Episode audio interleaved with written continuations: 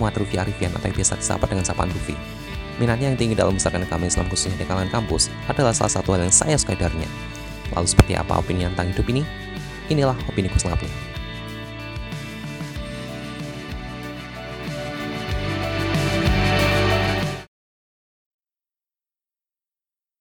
Assalamualaikum warahmatullahi wabarakatuh.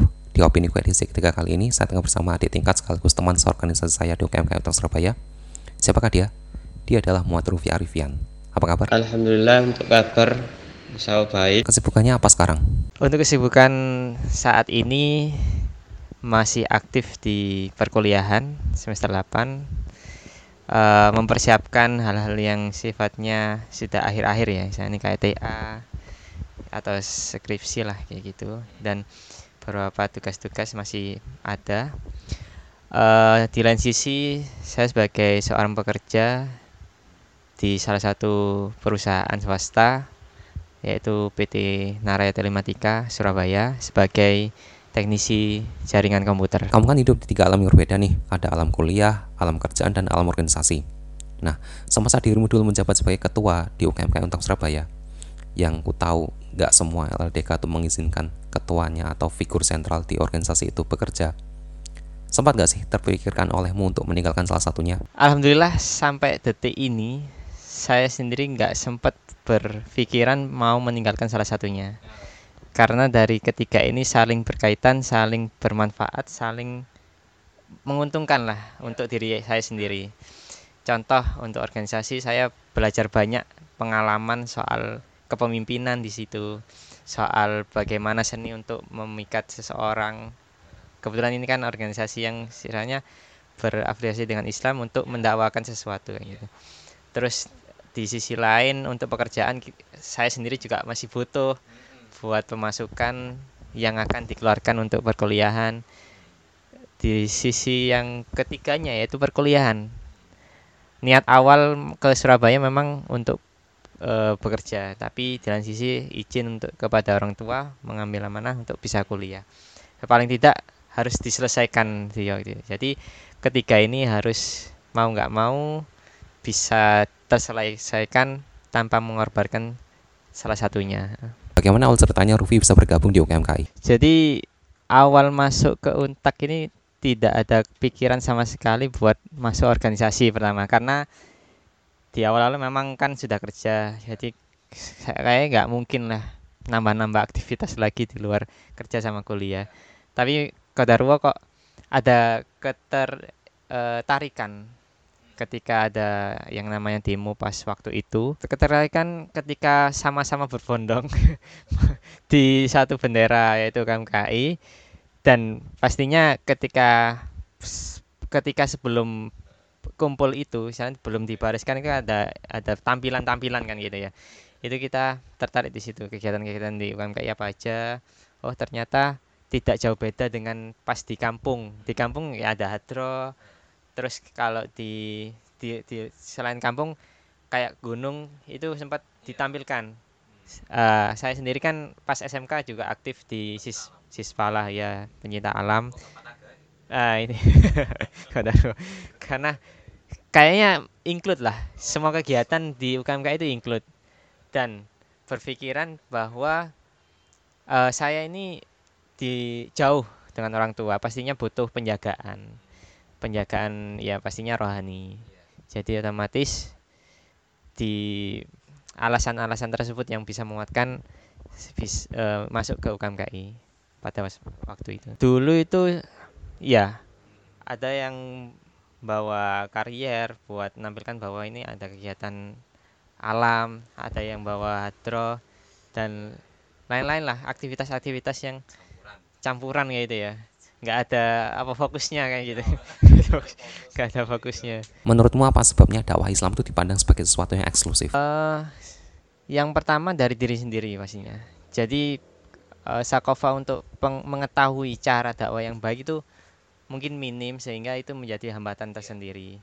Di lain sisi terlalu kaku. Biasanya uh, ya saya sempat mengalami kayak gitu. Misalnya kaku lah jadi kayak oh, sangat kaku untuk menerima sumber yang satu itu aja. Jadi nggak nggak bisa uh, memperluas wawasan.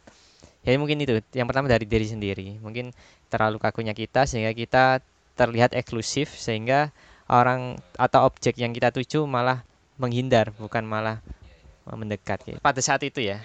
Pada saat itu lebih apa nih uh, dari satu golongan yang tak uh, istilahnya gitu ya.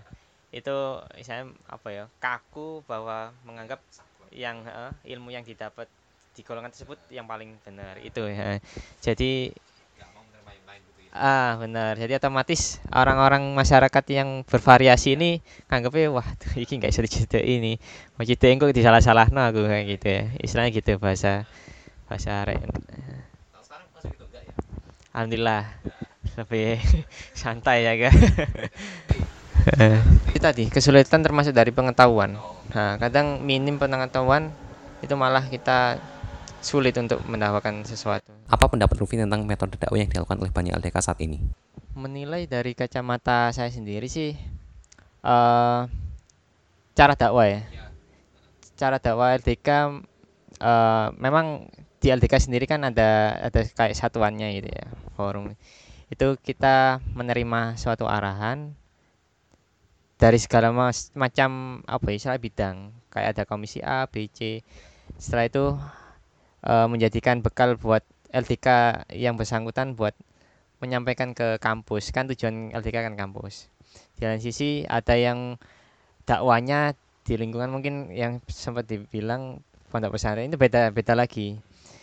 Yang tak dapat di sini memang fokus di masyarakat kampus. Jadi LDK ini kan memang lingkupnya di kampus. Jadi otomatis beda nanti cara kita untuk di kampus sama masyarakat itu beda. Ya, untuk saat ini masih di lingkup kampus. Jadi uh, paling tidak pendekatan-pendekatan yang akademis yang pastinya uh, efektif untuk kita target ke kampus. Lalu bagaimana cara Rufis masa memimpin UKMKI dulu membuat dakwah yang dilakukan oleh teman-teman UKMKI diterima oleh masyarakat di tengah anggapan banyak orang yang masih mengaitkannya dengan isu-isu eksklusivitas dan radikalisme? Pertama kita kita imbangkan, imbangkan dari hal kaderisasi atau pendidikan di anggota sama siar kita.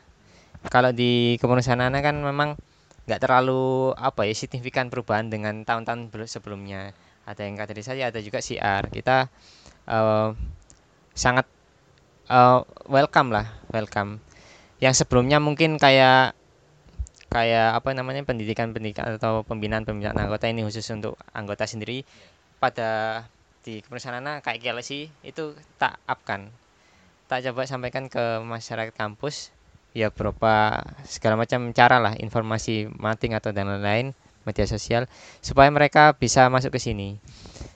Uh, cara menariknya sih sebenarnya uh, kita ya itu tidak tampil eksklusif. Siar siar itu harus yang kalau bisa ke kampus kayak gitu ya. Jangan sampai di masjid terus ya. lalu dengan pola dakwah seperti itu apa Rufi nggak khawatir jika nanti malam jerumus ke arah liberal? Uh, dilihat lingkupnya ya liberal kayak apa? Semua kita contoh kita ada dasarnya sendiri lah.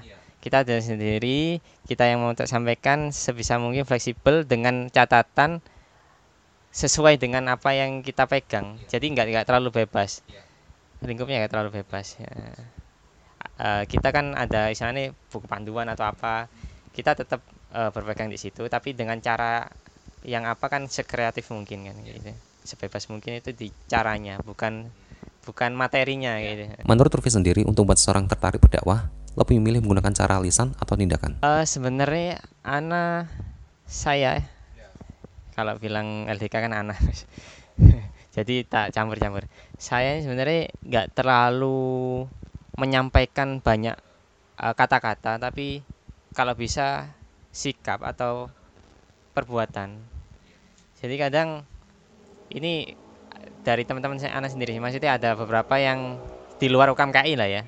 Itu kadang melihat seseorang itu bukan dari kata-katanya tapi dari sikapnya ahlaknya kayak gitu ini yang tak sampaikan ke uh, teman-teman bahwa uh, sebenarnya tidak banyak omongan tidak banyak kata itu bisa aja di di apa istilahnya tidak sangat pengaruh lah untuk mengajak seseorang tapi suatu contoh yang baik lah yang insya Allah akan memudahkan orang lain bisa tertarik ke dakwah ini itu sih menyatakan yang baik itu aja. Bagaimana ceritanya Rufi bisa kuliah di Surabaya? awal awal ke sini itu 2016 bulan Juni.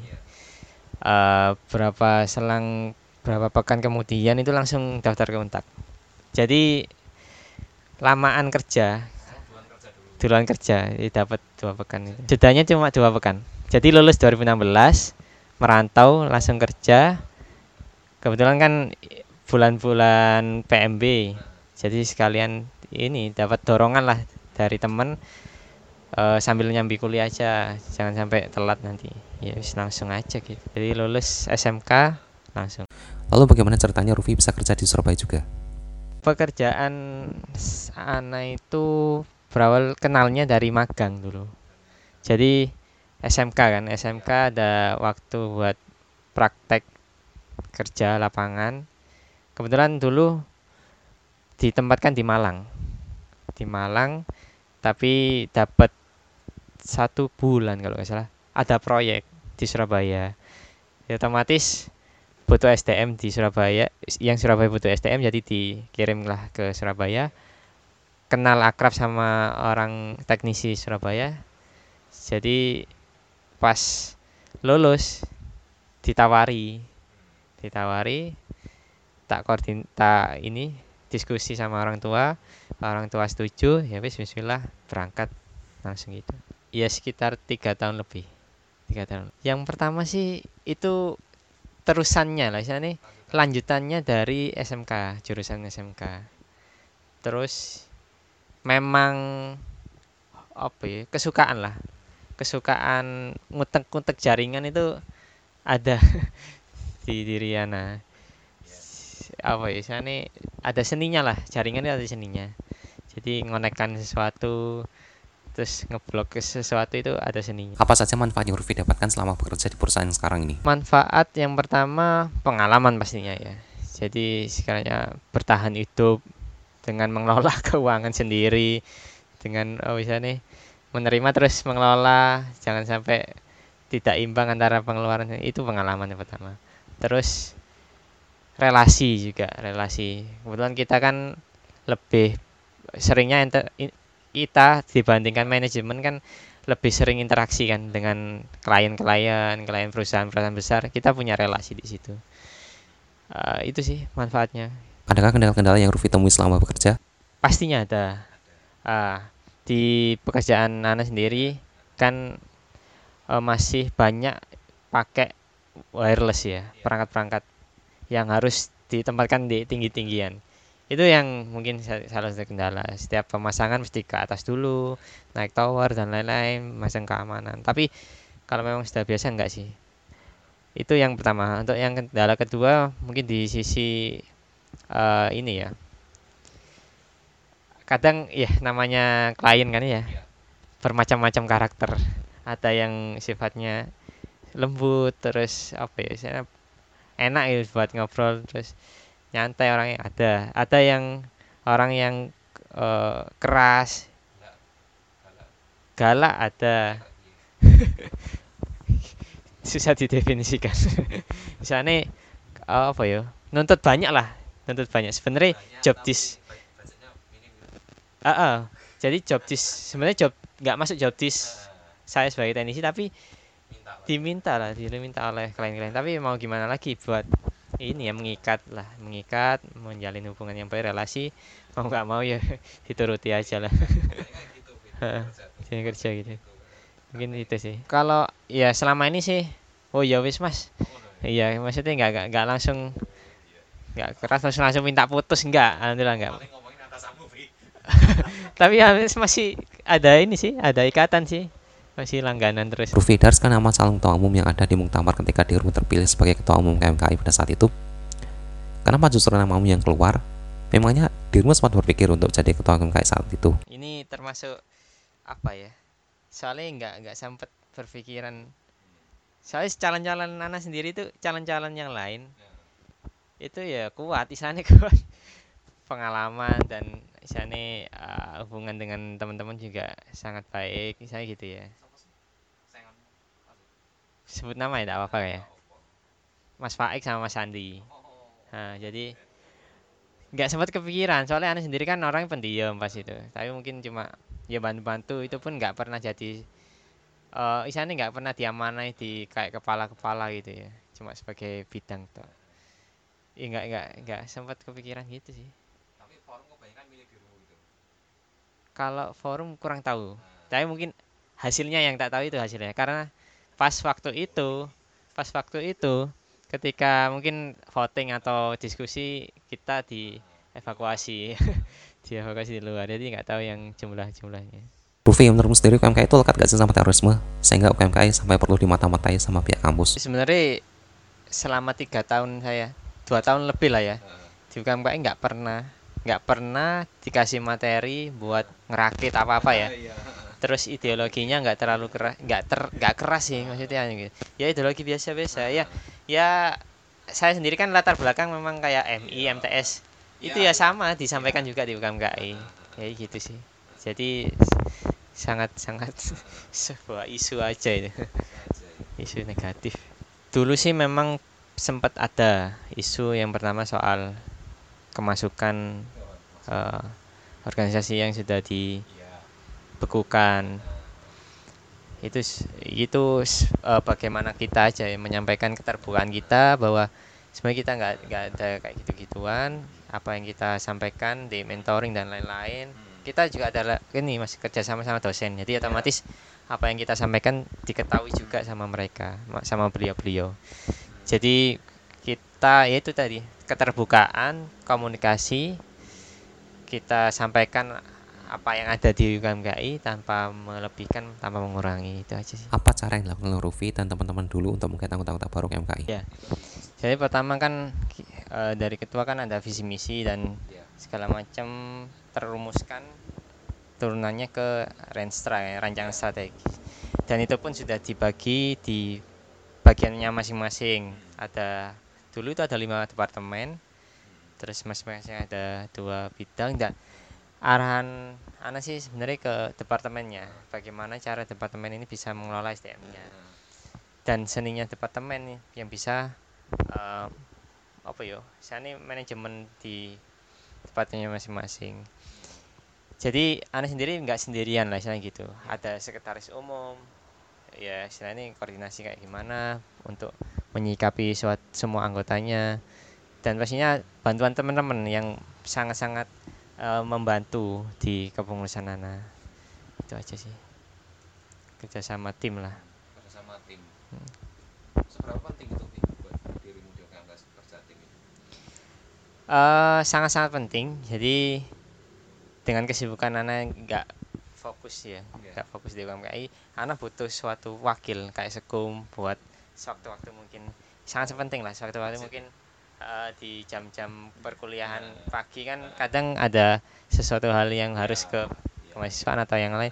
Itu atau ngurus-ngurus apa itu sangat-sangat penting buat saya kerjasama lah. Saya koordinasi. Atau mungkin dari sekum nggak nggak bisa ya tak minta tolong ke yang lain. Sangat-sangat penting pastinya. Spesifiknya kayak gimana tuh? suatu ikhtiar itu pastinya kan eh, semaksimal mungkin ya. Kita kadang em, menarik sesuatu itu sesuai dengan kesukaan mereka apa yang dibutuhkan mereka apa yang dibutuhkan mereka. Dulu sempat kita pas PMB bikin brosur dan lain-lain eh, brosur informasi apa yang dibutuhkan kayak kos atau lain-lain tempat yang lebih murah tempat makan yang lebih murah itu kita sampaikan mereka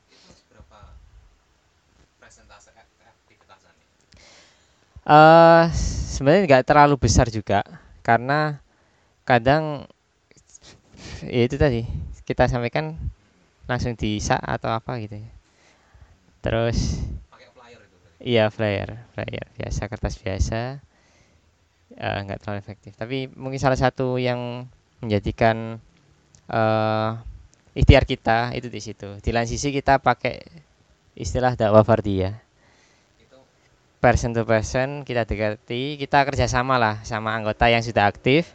Kita apa ya konsolidasi. Nggak ada.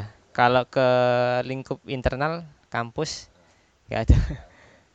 Jadi ya itu tadi kita fardiyah bahkan kita menggait beberapa alumni yang masih aktif di kampus. Ada yang kan masih ada yang jadi karyawan Mbak Latifah, Mbak Ulfa, Mbak Soleha gitu.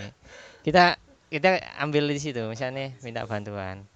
Jadi dakwah dia ini sangat-sangat efektif ketimbang flyer itu. Jadi paling tidak ada dua ikhtiar. Yang pertama yang menjadi prioritas dakwah fardiyah persen per persen jadi anggotanya ditugasi ya sisi deketin nggak paling nggak duduk di pinggir-pinggiran sungkan-sungkanan kita ajak biar nggak sungkan terus yang kedua itu tadi memberikan informasi yang dibutuhkan Menurutmu apa yang membuat anggota-anggota baru itu langsung klik dengan UKMKI pada pandangan pertama?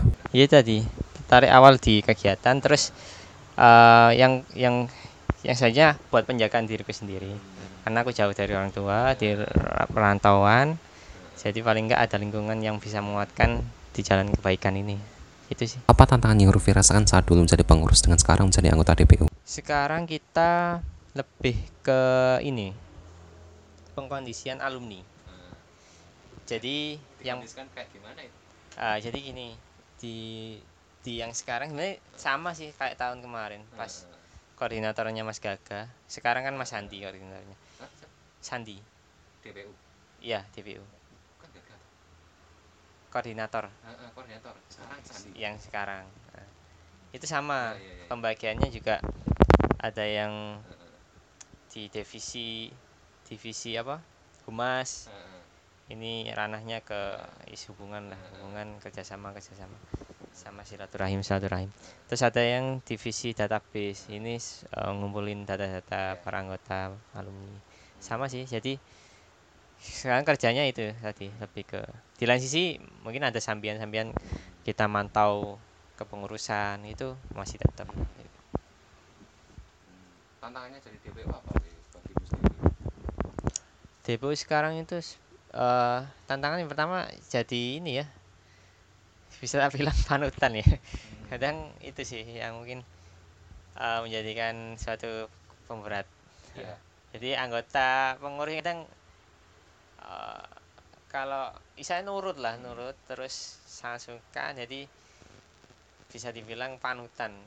Itu yang menjadi berat. Paling enggak kita harus jaga sikap kayak apa biar anggota-anggota pengurus bisa melihat mencontoh kita dengan kebaikan kalau dari di sisi kayak eh, amanah kayak divisi itu nggak terlalu nggak terlalu sih. Soalnya sudah ada kan sebelumnya tinggal melanjutkan aja.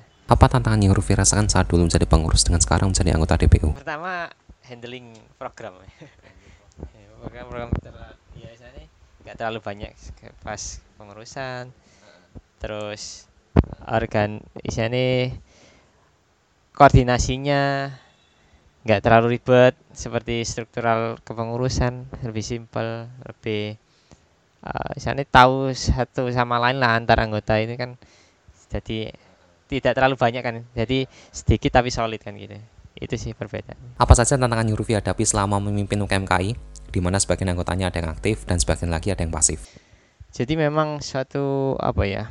Itu sudah aku bilang sih ketika sharing-sharing juga sama kondisi dengan ketua umum yang sebelum-sebelumnya. Bahwa eh, tantangannya ya saat kita ngurus anggota kan bermacam-macam ya. Sempat samen eh, sampaikan tadi ada yang misalnya yang aktif ada yang pasif ada yang lain-lain.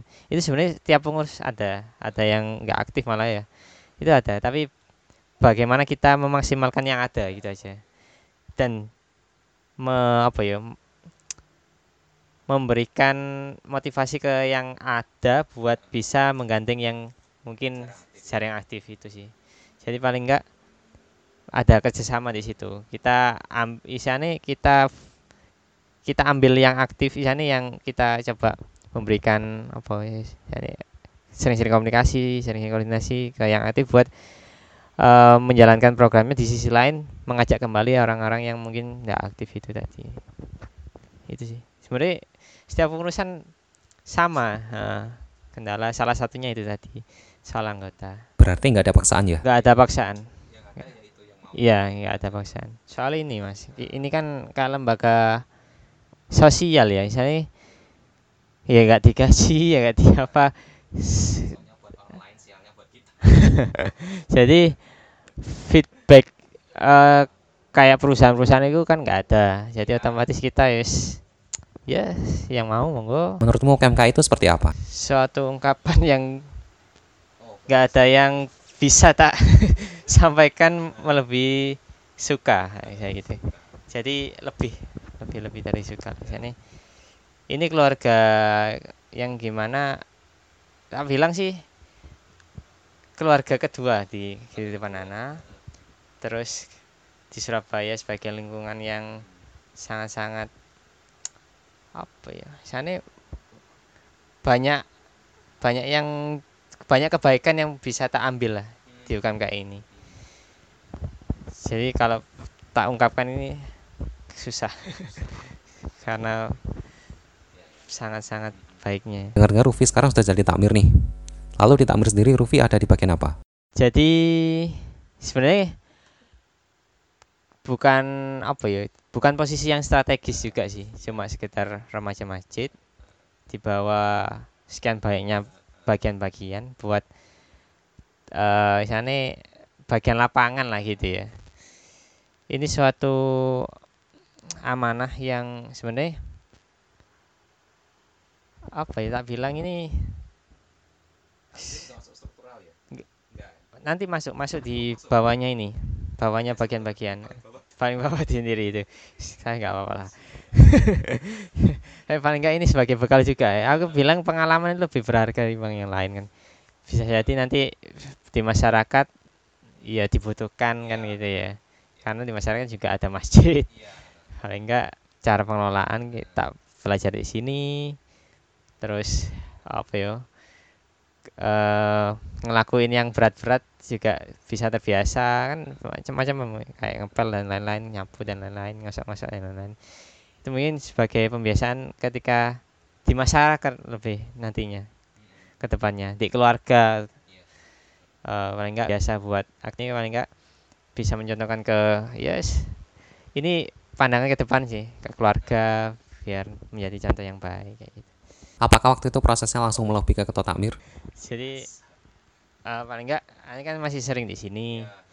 Terus ada tempat yang bisa ditempati.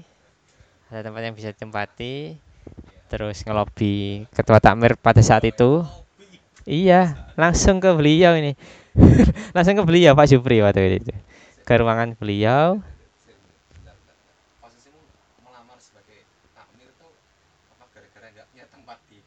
Oh, Alhamdulillah pas waktu itu aneh ada dua tempat kantor.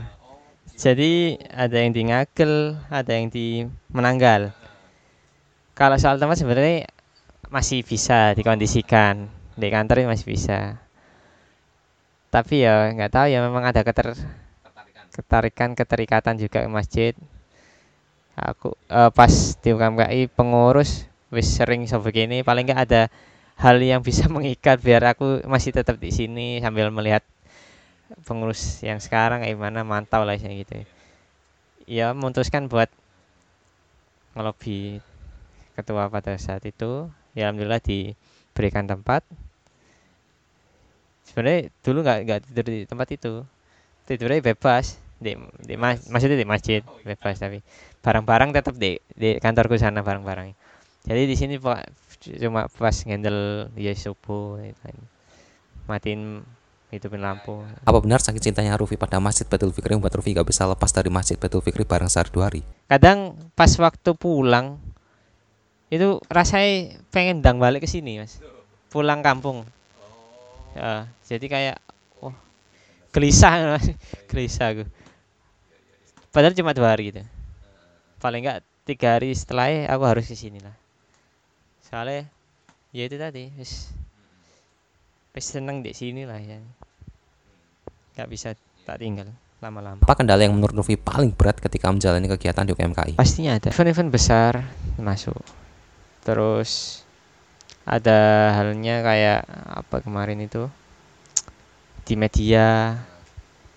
Itu sangat apa ya pasif pas pada gitu. Jadi sebenarnya ada rancangan sendiri buat media.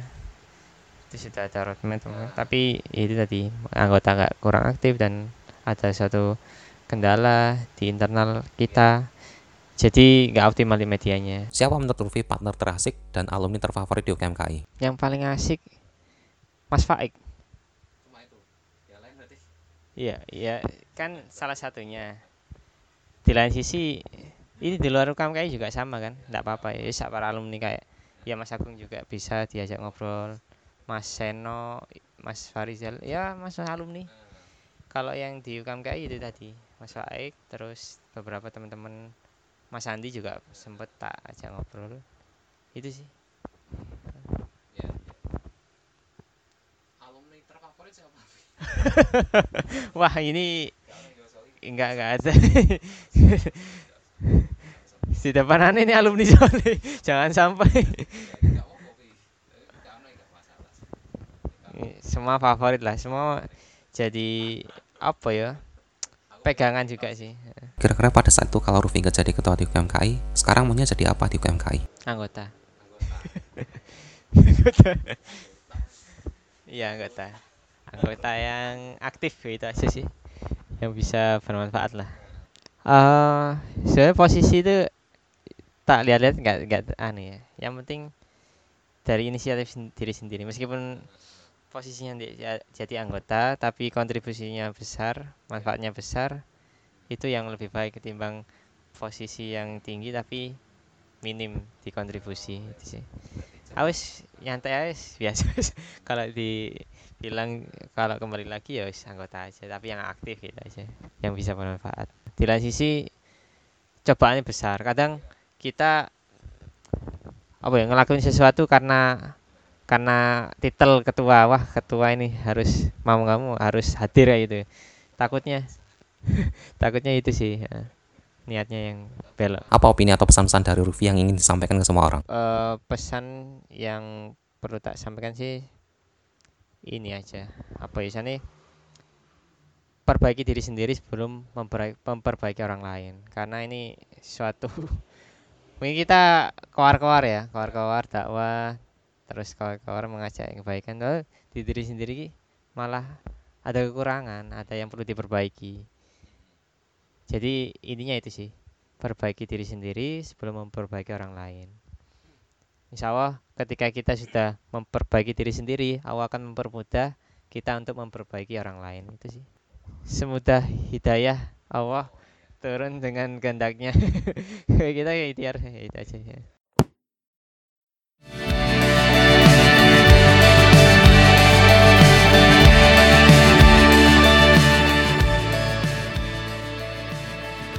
Demikianlah opini ku edisi ketiga kali ini. Stay away from drugs, stop global warming, stop bullying, keep safety riding, keep respect. Wassalamualaikum and see ya.